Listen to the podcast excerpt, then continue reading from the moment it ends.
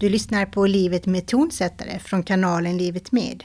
Av och med mig, Hanna Dock som journalist. Podden gjordes för att visa hur det kan gå till när tonsättare skapar, men också visa människan bakom musiken och vilka utmaningar som yrket innebär.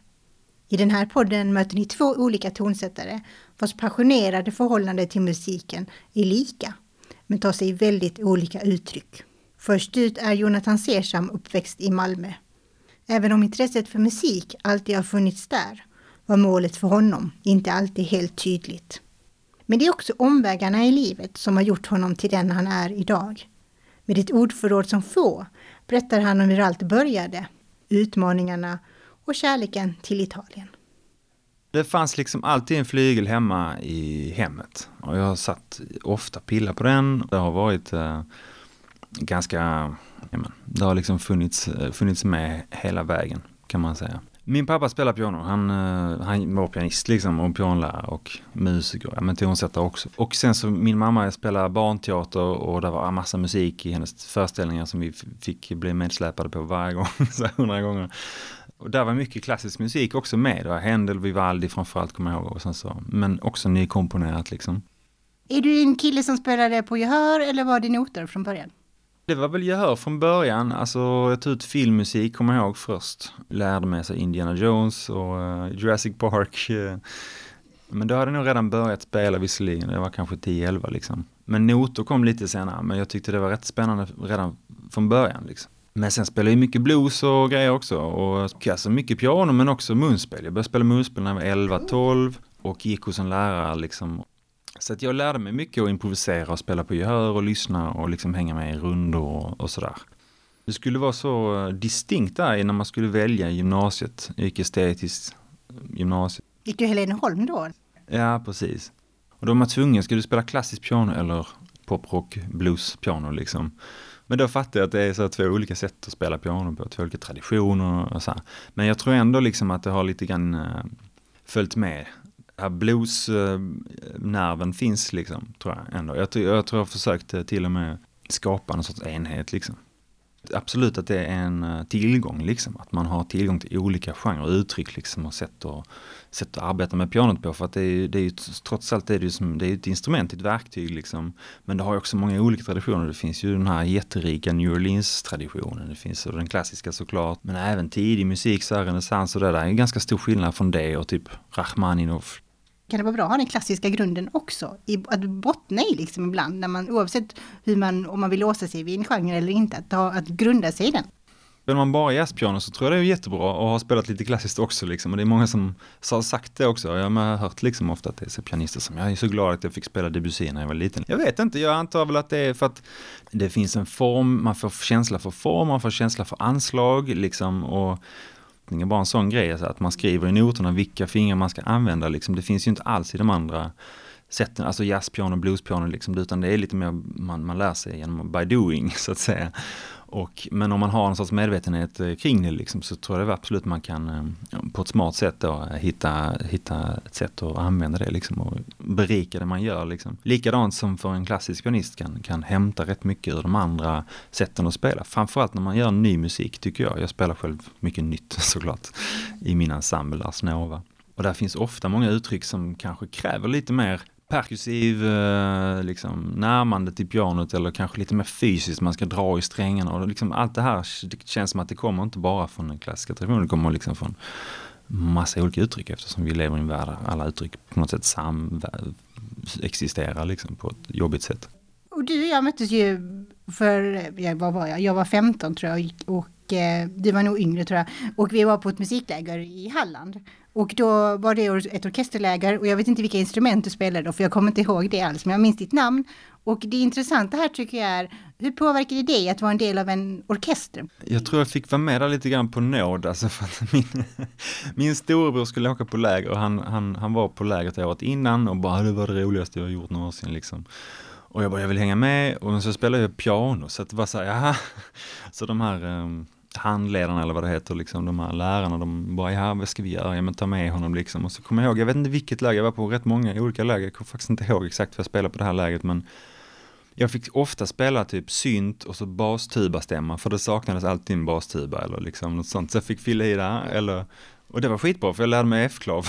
jag lärde mig spela mycket bra, så här, ganska bra vänsterhand liksom. Och få en känsla för bas, eh, baslinjer. Men jag tänker hela orkesterbilden får man ju också, när, alltså när, mm. särskilt när man sitter med och lyssnar. Och jag tänker, vad, där du är idag, var det liksom en fördel att få den liksom, orkesterbilden på något sätt?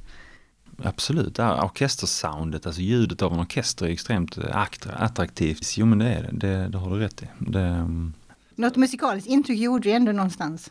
Ja men definitivt. Och, men jag kommer ihåg ett annat läge också jag var på. Då spelade jag både munspel liksom med någon sån storbandsnummer liksom. Men också i orkestern som, som jag fick spela timpani då också kommer jag ihåg eftersom jag inte, det, jag, det saknades liksom. Och det, det fanns, du hoppade in. Jag tog det som, det som fattades fick jag. Ja, tur vi har en här som inte Ja men absolut, triangel också. Jag satt med en triangel också och så fick jag då spela piano på någon låt liksom. Bara för att, och då fick, jag, ibland fick jag till med sån här um, orkesterreduktion, du vet, liksom någon sorts eh, partitur, fast reducerat partitur eftersom de hittade det till någon overtyr antagligen liksom. Och det kämpar jag med för att det var ju det är jättesvårt, det är när man, framförallt när man är liten, att läsa så många toner på en gång. Liksom. Du kommer in i det liksom redan där egentligen, alltså hur man bygger upp musiken och hur det Ja, absolut. Jag är ju superintresserad av ackord.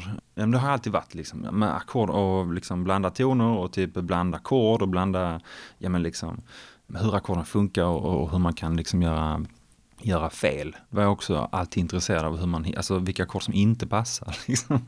Och de, de lekte jag jättemycket med.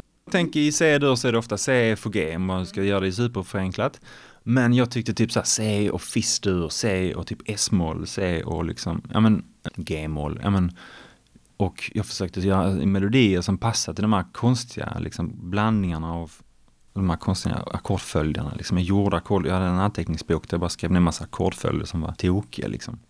Har du några kompositörer där du vill lyfta som jobbar lite med sådana här svårare klanger och så? Ja men det finns ju rätt mycket i filmmusik faktiskt. Alltså där finns en sorts uh, lite annan frihet. Både skräckfilmen, alltså för, Bernard Herrmann till exempel, han som skrev alla Hitchcock soundtrack, nästan alla. Men även någon sån science fiction, The Day the Earth Stood Still. Där är liksom för att få det här mystiska, lite främmande, så är det ofta just det man jobbar med. Främmande, alltså ackord som känns främmande i den tonarten till exempel. Eller språng som inte riktigt så här, är ortodoxa kanske rent stämföringsmässigt liksom. Och det är inte filmtonsättarna kanske som har hittat på det, utan det kom ju redan i Debussy, liksom. han gjorde också så här mystiska i hans pianopreludier eller liksom i Jöna orkesterstycket. Eller liksom. Vissa filmer är ingenting utan musiken. Liksom.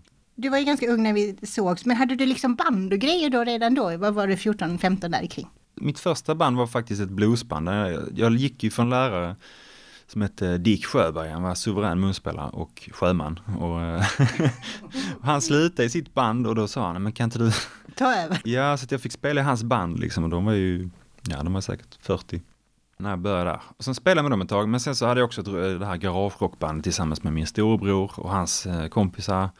Det var garagerock, klassisk sån, 90-talets garagerock. Och det var liksom två elgitarrer, trummor, bas och jättemycket volym och så spelade jag synt. Och sen så hade jag band i hela gymnasiet som hette Dolly Daggers, som är där också med min brorsa. Och min, när vi äntligen fick en eh, yngre brorsa fick han också vara med. så att jag spelade mycket pop också.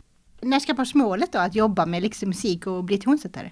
Sista året i gymnasiet så ska man ju skriva ett projektarbete, man ska göra någonting liksom själv. Jag skrev fyra, fem pianostycken kommer jag ihåg. Och då hade vi precis fått en Macintosh och det fanns ett notprogram liksom. Och jag tyckte det var så spännande att man kunde bara stoppa in noter i programmet och spela upp det liksom. Det hade inte funnits så mycket innan liksom och det var ganska nytt och sådär.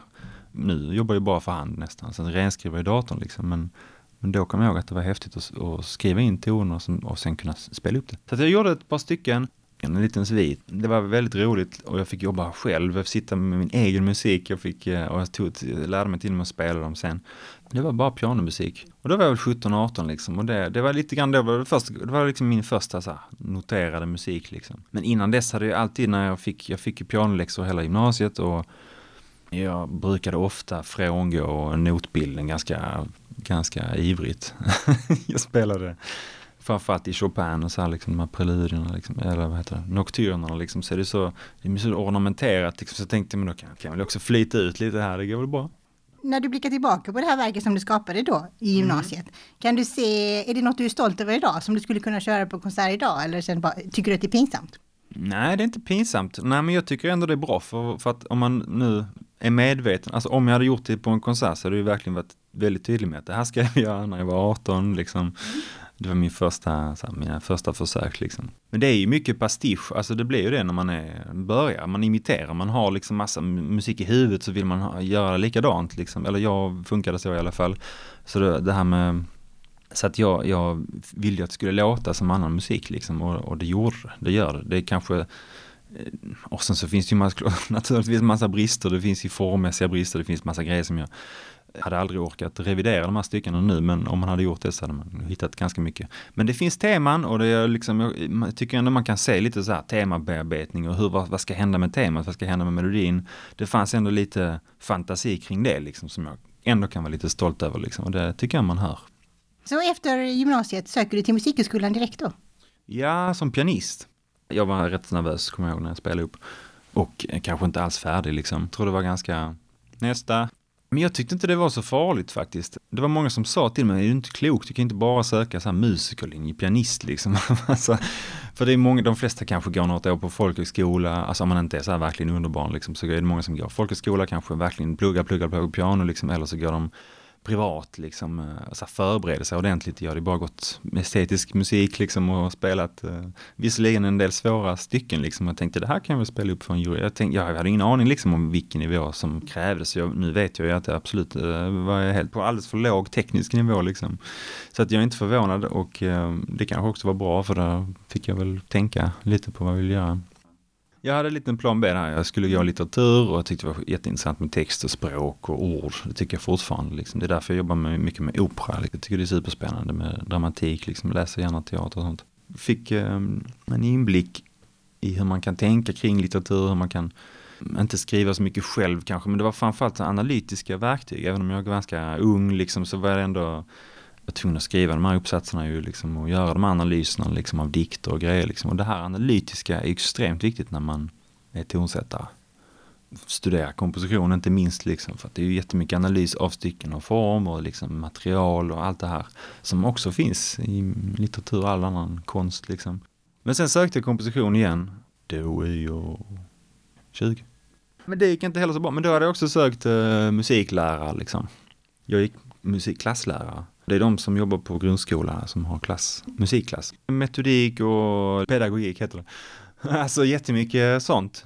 Lärande och inte så mycket spela och latcha liksom så att jag blev lite så här, ja, äh, det var inte så kul. Så här i efterhand så är det ju liksom, jag vet inte varför jag inte sökte en folkis liksom som alla andra liksom. Jag kanske inte visste riktigt att det fanns, jag fick inte riktigt, jag hade inte riktigt alla saker klart för mig så tänkte jag kanske någonstans att om jag bara kommer in på musikskolan så är det lätt att byta sen men det, det är ju helt vattentätt mellan lärarlinjen och musikerlinjen. Det är ju två helt olika världar. Så att det var liksom lite feltänkt men jag hade kul, alltså det var ganska kul människor som gick där liksom. Och sen så, och många kurser som var roliga, man fick spela elbas, man fick sjunga i vokalgrupp liksom. typ. Vilken röst har du, eller säger du tenor eller bas? Jag är nog någon sorts bas hade jag liksom tränat upp min röst så hade det nog kanske varit en bariton. Och jag har en förtjusande falsett har jag hört.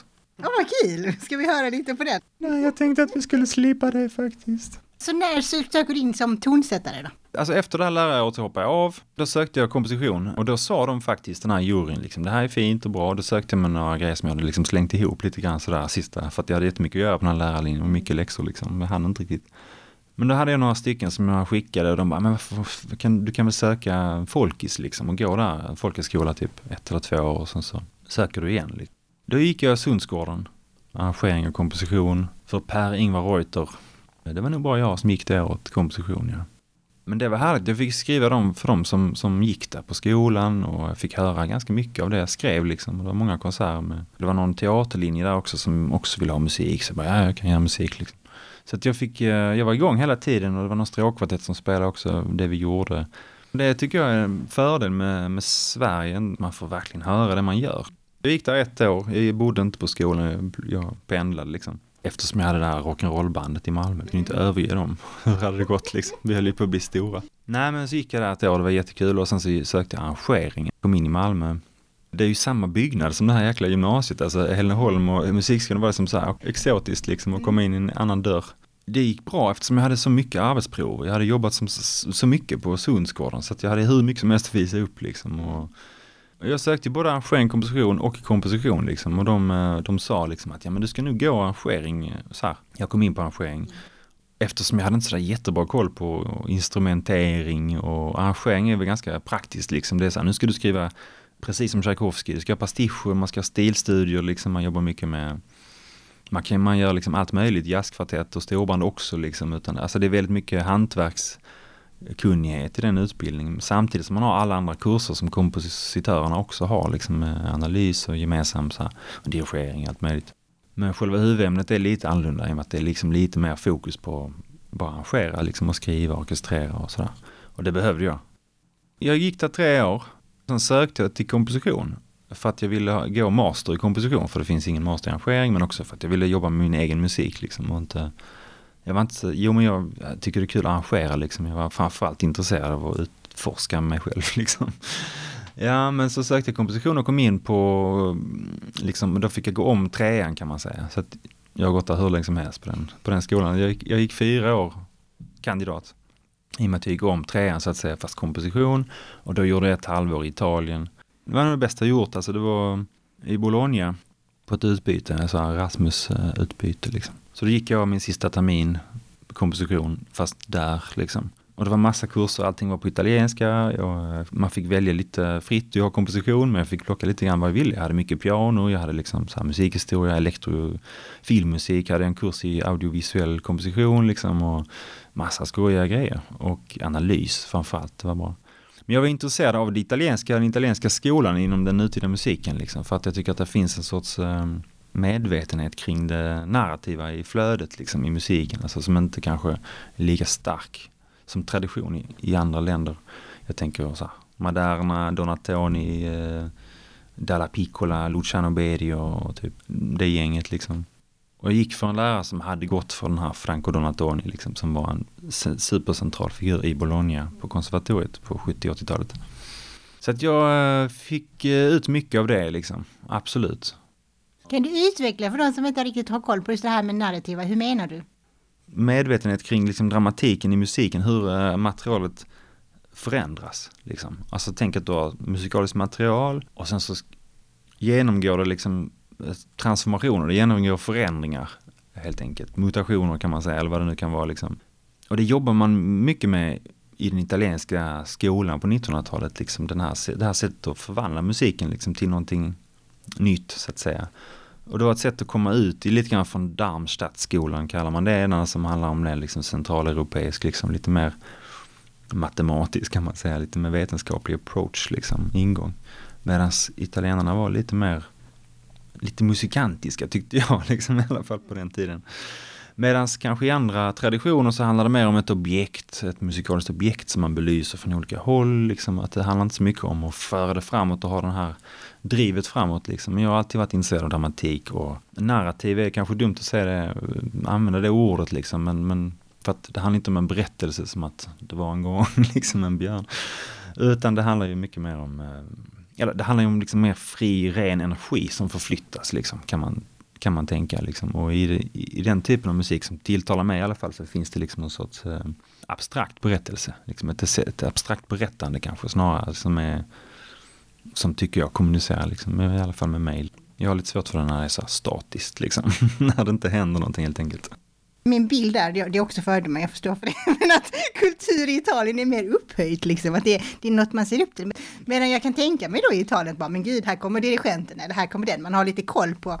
Ja, gud ja, absolut. Jo, men så är det verkligen. Alltså det, det har, um, bara sist nu när jag var i Bologna i höstas så, så skar jag upp fingret liksom. Så jag åkte till akuten i Italien liksom och så frågade de så här, vad gör du? Vad är jag pianist? Åh, oh, oh, han är pianist liksom. Eller jag sa att jag var musiker liksom och jag spelade piano och bara åh, så kom det så här plötsligt sju sjuksköterskor till liksom, måste rädda hans tumme, il pollice, liksom. Det var jättefint. Så att visst, det har, det har det ligger någonting i det liksom och varje liten håla i Italien har ju sitt eget konservatorium liksom så att det finns en sorts allmän nivå som jag tror är lite högre faktiskt rent eh, kulturellt liksom eller musikermässigt liksom och de har också jag tror man uppskattar, det, det, traditionerna har, är ju kanske äldre där också på något vis. Och det finns ju som, ja men som eh, klassiska bilden är också att alla bönder kan sjunga Verdi, liksom, att de kan, känner till de här Verdi-arerna. Liksom. Ja, men de, de, har liksom en sorts gemenskap i det här.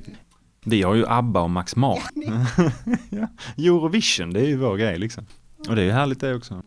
Men jag tänker också på att här i Sverige, är det liksom när, när man skär ner här så är det ofta kulturen som ryker först. Det märks ju nu liksom. Samtidigt så är det ju rätt illa i Italien också. Alltså om man pratar med kollegor där nere liksom hur, när jag berättade typ att jag hade ett stycke i Italien för något år sedan liksom så bara, ja men ja, nej, men de, vad heter det, svenska staten bjuder på resan hit och tillbaks liksom och hotell och sånt. Bara, Varför bor vi här? Liksom. Det finns ju mycket hjälp och bidrag och stipendier i Sverige liksom. Men visst, man skär ju som tusan nu liksom i kulturen i Sverige. Ju, just nu ser det ju riktigt kolsvart ut liksom. Så att, så att det är skrämmande liksom. Man vet inte riktigt var man ska ta vägen. Det är lite dominoeffekt tror jag. Alltså faller en orkester liksom, eller så faller ju alla. Och den här ensemblen, den enda liksom eh, ny musikensemblen i Sverige som är anställd Norrbotten Neo håller ju, är ju hotad nu. Den ska ju eh, antagligen läggas ner till årsskiftet liksom. Och det är ju en jättemega tragedi liksom. För alla tonsättare. För att de beställde ju minst ett par stycken om året liksom. Kanske två. Sådär. Vilket ändå är mycket liksom. För att det finns inte så jättemega många tonsättare i Sverige. Och ju mindre pengar en orkester får, ju, eh, eller en grupp eller liksom ett operahus, ju mindre, det, det första som ryker där också är ju best, nya beställningar liksom. Du har lyssnat på Livet med tonsättare. I nästa avsnitt lyfter Jonathan några av sina projekt. Följ Ett livet med poddserien på Instagram för att inte missa andra viktiga poddar. Producent är jag, Hanna Doxon.